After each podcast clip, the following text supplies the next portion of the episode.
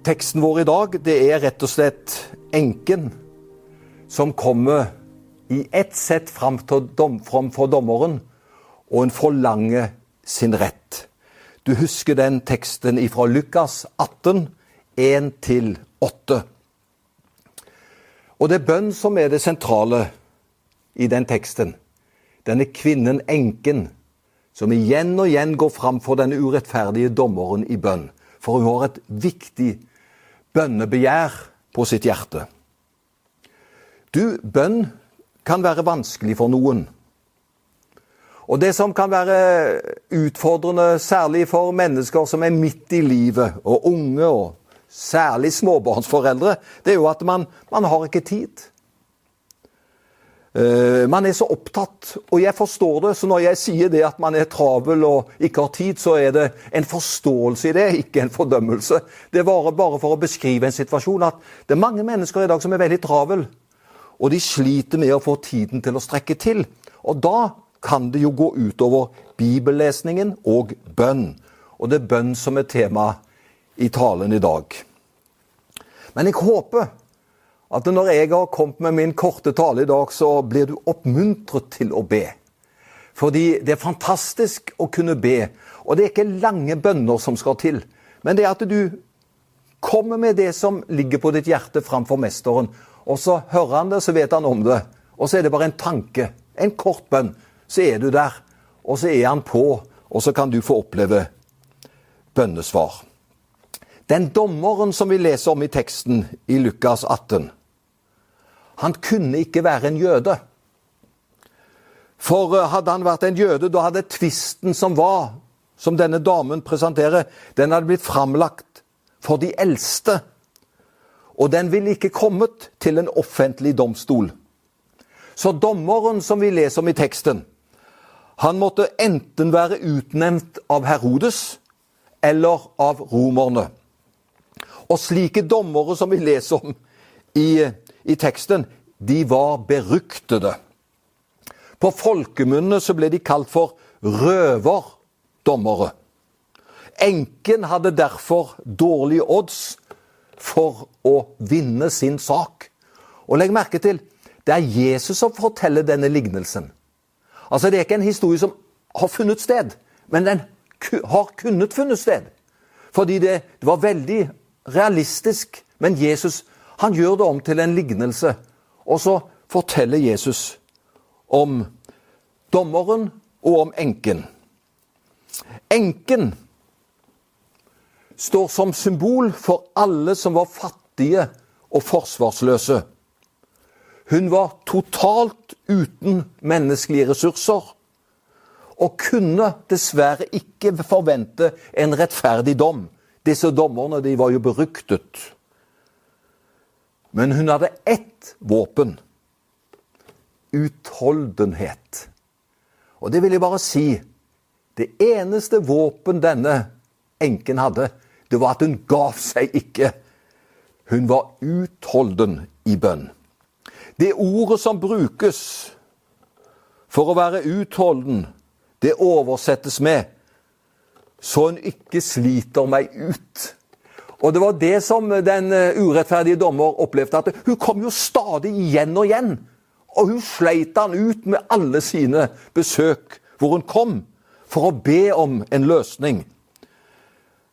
Hennes utholdenhet reddet henne. Apropos, våre barn har jo opplevd hemmeligheten her. Maser de nok, så får de det de ber om. Har ikke du som en far og mor og tante og onkel og bestemor og bestefar opplevd at de skjønner barna de kommer? Og så ber de om noe, og så har du tenkt at nei, det er ikke klokt at de får det nå. Det passer ikke. De har fått nok. Og så sier vi nei. Men du skjønner, barna er smarte, vet du. De tar ikke et nei for et nei. Så de kommer igjen og igjen. Og når de har kommet for tiende gang, vet du, så tenker de ja, la de få den isen, da. De gir jo ikke fred. Og så får de det. Barna er smarte. Det er, det er, det prinsippet som er her hos denne enken. Hun gir seg ikke. Hun skal få dette gjennom til sin fordel. Altså det med utholdenhet som er viktig i denne teksten. Og det står også en parallelltekst i Lukas 11, 5-8. Jeg vil bare si hvor den teksten står. Lukas 11, 5-8. Der understrekes det også dette med utholdenhet. Fordi der forteller Jesus at det, det er en, en person som får besøk midt på natta av en venn. Og den vennen som kommer midt på natta, han, eh, han forventer jo sikkert et godt måltid mat. Og, og verten, han har ikke mat hjemme. Så han tenker, hvem kan hjelpe meg i denne knipa? Og, så at jeg kan få mat til å gi til han som kom midt på natten på besøk. Og da tenker han, jeg går til naboen. Og så sier ikke naboen, sier Jesus, at eh, nå kom du og forstyrret meg, barna sover, og det er midt på natta. Jeg kan ikke gi deg noe, du kom på feil tidspunkt. Nei, naboen sier ikke det. Han sier det at eh, om jeg ikke gjør det for vennskaps skyld, så skal han få det han trenger. For han kommer midt på natta og ber meg om det. Er han sen med å svare de som roper på ham dag og natt? Så her understrekes det at eh, er vi bare frimodige, så selv om det skjer på et upassende tidspunkt, eh, så vil vi få hjelp når vi kommer med det som ligger på vårt hjerte. Det er det som er budskapet i teksten. Men det hender, du, at vi må vente på bønnesvar. Og det å vente på bønnesvar, det kan være en prøvelse. For vi ønsker jo gjerne at Gud skal gripe fort inn. Men la oss aldri gi opp med våre bønner. Og jeg vet at du har dine bønneemner. Du har de som du ber for, som du løfter opp. Det kan være ektefelle, det kan være barnebarn, det kan være en kollega.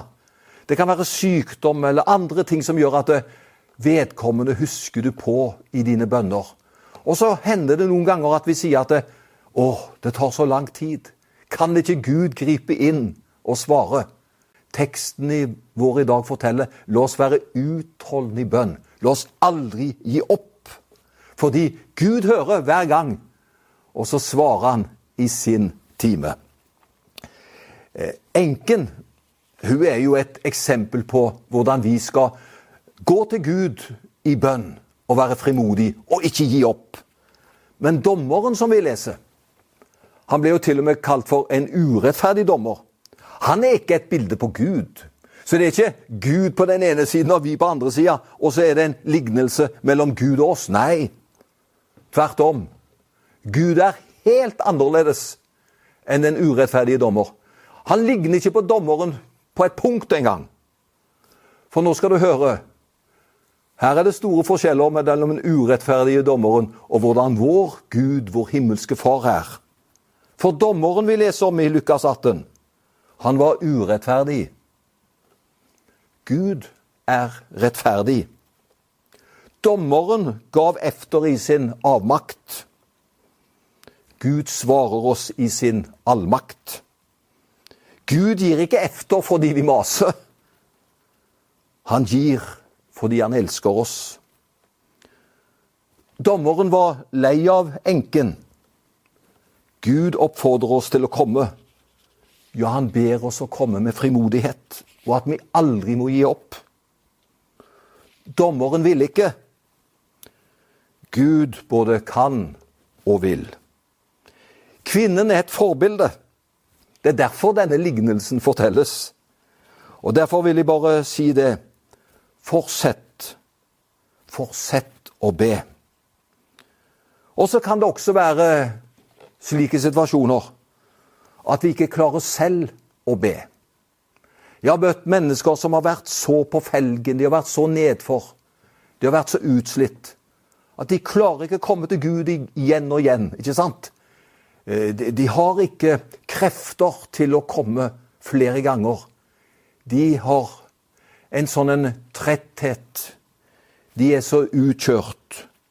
Da har jeg lyst til å fortelle om ikke du sjøl kan komme til Gud fordi du makter det ikke av ulike grunner. Det kan være sykdom, ulykke, depresjon og stor motgang, for å nevne noe.